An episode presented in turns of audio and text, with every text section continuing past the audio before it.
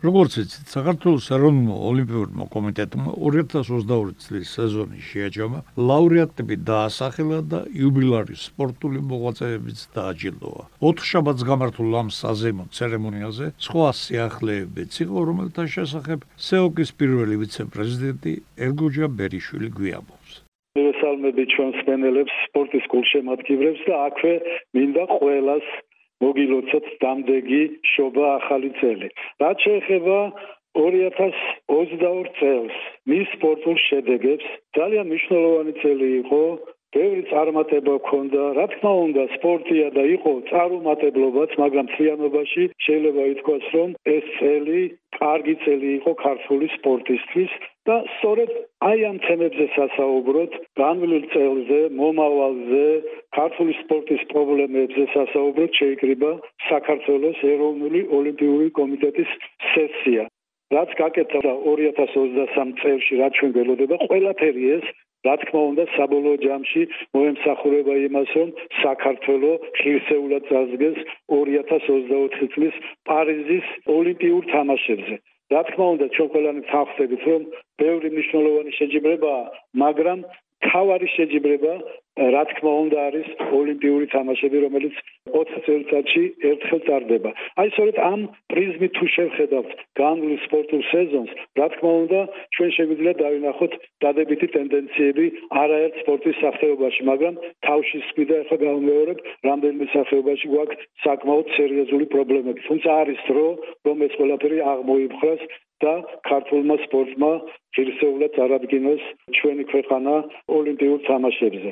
რაც შეეხება ლაურეატებს, რომლის დაჯილდოების ცერემონიაც ასევე ჩვენი სესიის ტრადიციული და განუყოფელი ნაწილია. მე გულისხმობ არამარტო სპორტსმენებს, აქ გულისხმობ მნელები და ის ხალხი, ვინც სპორტშია დასაქმებული და ვინც წარმატებით იმოღვაწეს სწორედ 2022 წელს.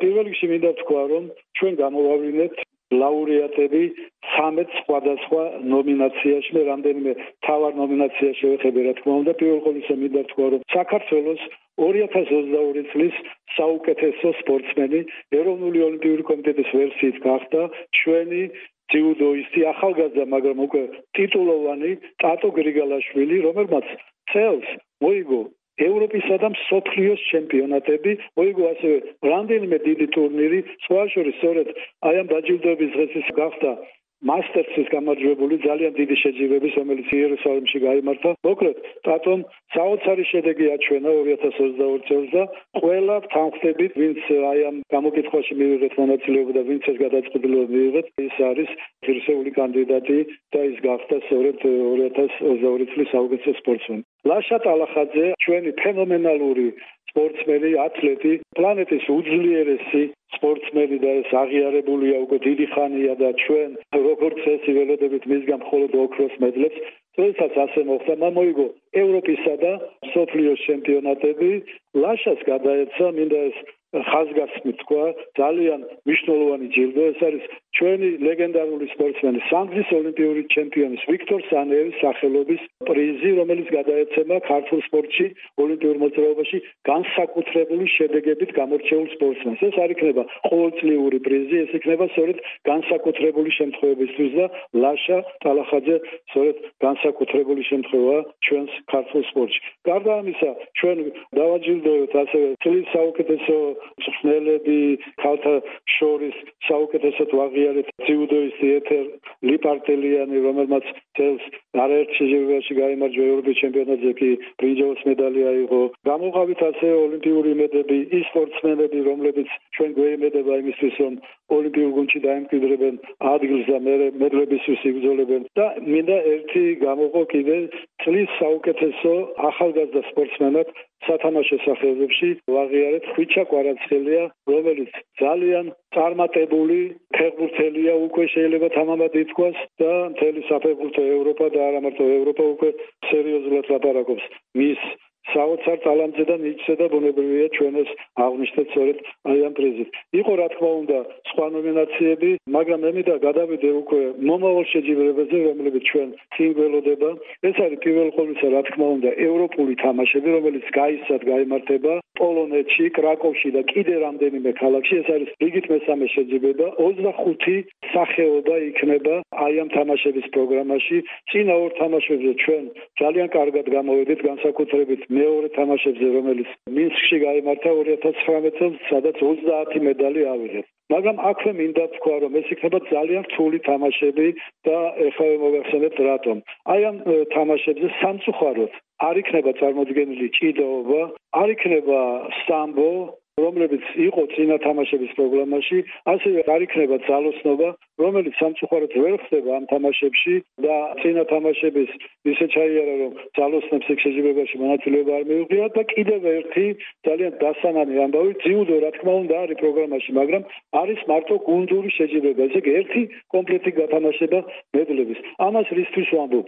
ამას იმისთვის ვამბობ, რომ ფაქტიურად შეიძლება ითქვას რომ ჩვენ რა თქმა უნდა ძალიან გაგვიჭირდება არა თუ გამეორება წინა თამაშების შედეგების არამედ მიახლებაც კი სწორედ აი ამ გარემოებებიდან გამომდინარე. იმიტომ რომ ჩვენ თავის სახეობები აი ამ თამაშების პროგრამიდან ამოიღეს. ამას ბევრი მიზეზი აქვს ახლა ამაზე არ შევჩერდები არის კიდე ქვიშის სოფლიო თამაშები რომელიც მეორე წარდება და ამჯერად ინდონეზიაში ბალიში გამართება და არის ახალგაზრდული ოლიმპიური ფესტივალები ევროპისა, საფხულისა და სამთრის. და რაკი ევროპის ფესტივალი ვახსენე, აქვე ბოლოს მინდა თქვა აუცილებლად, რომ საბოლოოდ გადაწყდა, რომ საქართველოში ჩატარდება სამთრის ახალგაზრდული ევროპული ოლიმპიური ფესტივალი ბაკურიანში, თბილისსა და ბათუმში იქნება ეს შეჯიბრებები, თავარი მასმედელი რა თქმა უნდა იქნება ბაკურიანი, აშენდება არაერთი სპორტული ობიექტი, რომელიც დარჩება ჩვენ სპორტს იმისთვის, რომ განვითარდეს და ახალ საფეხურზე ავიდეს ზამთრის სახეობები. სულ ეს იყო რისი თქმაც მინდოდა, კიდევ ერთხელ გილოცავთ მომავალ ახალ წელს და გემშვიდობებით საუკეთესო სურვილებით. ხუჯაბაც კი იერუსალიმში 100 კილოგრამ წონით კატეგorიაში ოქროს მედალი მოიპოვა ილია სულამანიძემ, ხოლო 90 კილოგრამიანთა შორის ლუკა მაისურაძემ ბრინჯაოს მედალი. ახლა დაუბრუნდეთ ყატარში გამართულ სოფლიოს ჩემპიონატს, რომელმაც მართლაც რომ ააფორია ფეხბურთის მოყვარულებიც და სპეციალისტებიც. თუმცა მეტად ემოციურმა ფინალმა გულგრილი არავინ დატოვა. ჩვენი მომხილველი გია ცანოვა გაგვიზიარებს თავის მოსასწრებას.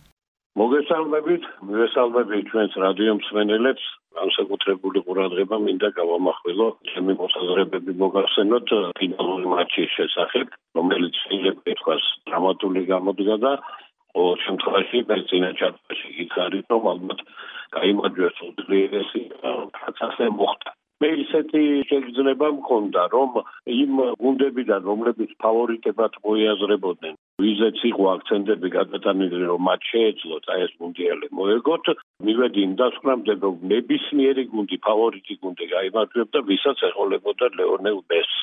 იმის შემდეგ, როცა ამბობდნენ ხოლმე, რომ აი მარადონამ მოიგო სოფლიო ჩემპიონატი და მესი თუ ამას შეძლებს, მესიმ შეძლო ის, რომ შეიძლება ითქვას, ინდივიდუალური ოსტატობის უდიდესი ოსტატობის ხარჯზე მან არგენტინამ სოფლიო ჩემპიონატის ტიტულამდე მიიყვანა. იმიტომ რომ ახლა გასაგებია დი მარია, ასაგებია იქ ისეთი ფეხბურთელები იყვნენ, მაგრამ ბესიზე შეიძლება დამთავრდეს. ერთხელ და სამუდამოდ ვინ ვის ჯობია და ვინ ვის არ ჯობია ლაპარაკი და მე ვფიქრობ რომ ლეონელ მესი ყველა დროის ერთ-ერთი საუკეთესო ფეხბურთელია. თუ კი ვინმე ფეხბურთი უთამაშია მსოფლიოში და ეს მან კიდევ ერთხელ დაამტკიცა და ღმერთი სამართლიანია. მას ყველა ტიტული ჰქონდა აქ და ეს ერთადერთი ტიტული ისიც მოიპოვა და ამდვილად ეკუთვნოდა. ჩემი აზრით ამე თუ მან თავისი კარიერის მანძილზე უამრავი და ულამაზესი სიხარულები აჩუქა ფეხბურთის გულშემატკივრებს სიტყვების არ მყოფნის. ამიტომ მინდა მივულოცო არგენტინის გულშემატკივრებს,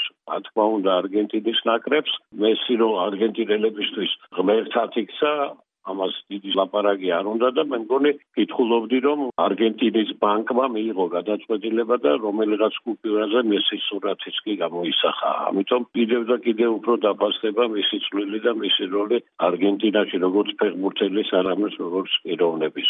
იმაზე ლაპარაკი რომ სოფლიო ჩემპიონატი გამოდგა, შედგა სამთარში უკეთესი იქნებოდა თუ ზაფხულში, ამაზე ცოტა მოგვიანებით ვისაუბრებთ, მაგრამ ყოველ შემთხვევაში ჩვენთვის გულშემატკივრებისთვის უფრო უკეთესია ზაფხულის პერიოდი, იმიტომ რომ ხალვათად როგორც იტყვიან ლუდით ხელში, ფეხბურთი უკეთესი საყურებელია, მაგრამ ეს ისეთი სპორტის სახეობა ნებისმიერ დროს ყველაფერს დაგავიწყებს და თუ გიყვარს ფეხბურთი, ამით ცხოვრობ და ამის მოლოდინში ხარ.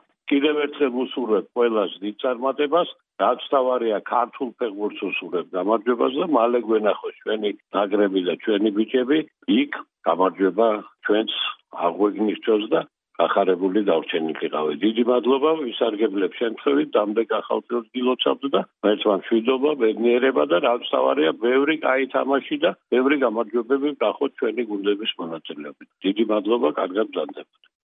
1978 წელს სოფლიოს ჩემპიონატის პირველად მოგების დღეს ქართველი ჟურნალისტებიც ვიყავით რივერ პლეიტის სტადიონზე და არასოდეს დამავიწყდება მუზეუმი ბუენოს-აირესი. 8 წლის შემდეგ კი დიეგო მარადონას ნაკრების ტრიუმფიც უნახე მეხიკოს აცტეკა სტადიონზე და არგენტინის ამ მართლაც დიდი საფეხბურთო ქვეყნის ამდენი წლის ლოდინის შემდეგ სურდა ასე ნანატრი მესამედ უმაღლესი ტიტულის ოპოების და მესის თამაშის პირველი რომელიმე საფეხბურთო ტრადიციების ქვეყნის სტადიონები ყოფილიყო და არა ნავთობითა და გაზით სახელმოხვეჭილი ყატარი არგენტინამ კი როგორც ყოველთვის თავდავიწყებით იზეება. ხოლო თუ როგორ მიიღო და შეაფასა ფინალში დამარცხება და ტიტულის დათმობა საფრანგეთმა, სულ რამდენიმე ინფორმაციით ვიჟაკლი კაჭკაჭიშვილი გვეტყვის.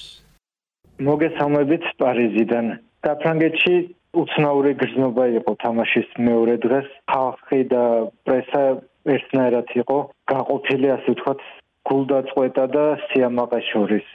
სიამაყე იმიტომ რომ საფრანგეთმა მიიღო მონაწილეობა ალბათ ისტორიაში ყველაზე ლამაზ ფინალში და თითქმის მოახერხა სასწაული და გულდაწყვეტა, იმიტომ რომ სააგეზდა ეს ყველაფერი უშედეგოდ აღმოჩნდა. სპორტულ გაზეთში, ლეკიპში კორესპონდენტმა კატარში როგორც დაწერა ვინსენტ ჯულუკმა, ეს ფინალი არის საფრანგეთისთვის მეორე სევილია. სევილია ანუ საფრანგეთის ნახევარფინალი 82 წელს, რომელიც წააგეს გერმანელებთან და ეს იქცა ასე თქვა ფრანგულ ტრამვად და ალბათ ეს თაობა ამ ფინალს კიდე ძალიან დიდი ხანი გაიხსენებს. ახალგაზრდა მოთამაშეებზეც იყო ლაპარაკი, იმიტომ რომ ეს უკვე ახალ თაობამ გადაარჩინა საფრანგეთი მეორე ტაიმში და ამას მოყვა ის შეკითხვა თუ უნდა შეიცვალოს საფრანგეთის ნაკრები და დეშამი უნდა დარჩეს ისევ მთავარი წვრთნელი თუ ზიდანზეც არის ლაპარაკი და ეს თემა შემოვიდა. კიდე ერთი თემა, რაზეც ბევრი ისაუბრეს, იყო პენლები, იმიტომ რომ მეკარე ბოლო პენალი სოფლიო ჩემპიონატში აიღო 98 წელს. 24 წლის განმავლობაში არც პენალი არ აუღიათ და ცნობილია, რომ დეშანი არ ამზადეს პენლებისთვის და მაგაზეც იყო საუბარი. ზოგადად ხალხი პრესაც თავს იმშვიდებს იმის, რომ მესი იმსახურებდა სოფლიო ჩემპიონატის მოგებას და ყველა ფეხბურთის მოყვარულისთვის მაინც ლამაზი ისტორიაა, რომ მესი კარიერას დაასრულეს სოფლიო ჩემპიონატით. მეორე დღეს ჩამოვიდა საფრანგეთის ნაკრები და 10000-ზე მეტი გულშემატკივარი დახვდა კონკორდის მოედანზე. ამიტომ ხალხი მაინც ძალიან მადლობელი იყო და ამაყი ამ სოფლიო ჩემპიონატით და გულწრფელად ალბათ მაინც გადაცლია გუნდის სიყვარულმა და სიამაყემ. მინდა ვისარგებლო ამ მომენტით და ყოველს მოგილოცოთ ახალი წელი პარიზიდან ჩემი სახელი და ყველა სხვა ქართველის ვინც აქ ცხოვრობს. ერთი სიტყვით რაც იყო იყო და მართლაც რომ ყველაფერი კარგია რაც კარგად დაარდება. მალე ალბათ მომავლისკენ გაიხედავთ ფეხბურთის თაყვანის მცემლები ერთდროულად ხომ სამ ქვეყანაში ფინალურ ტურნირებზე 48 ქვეყნის ნაკრების დაპირისპირების დროც მოვა. ხომ გახსოვთ 4 წლის შემდეგ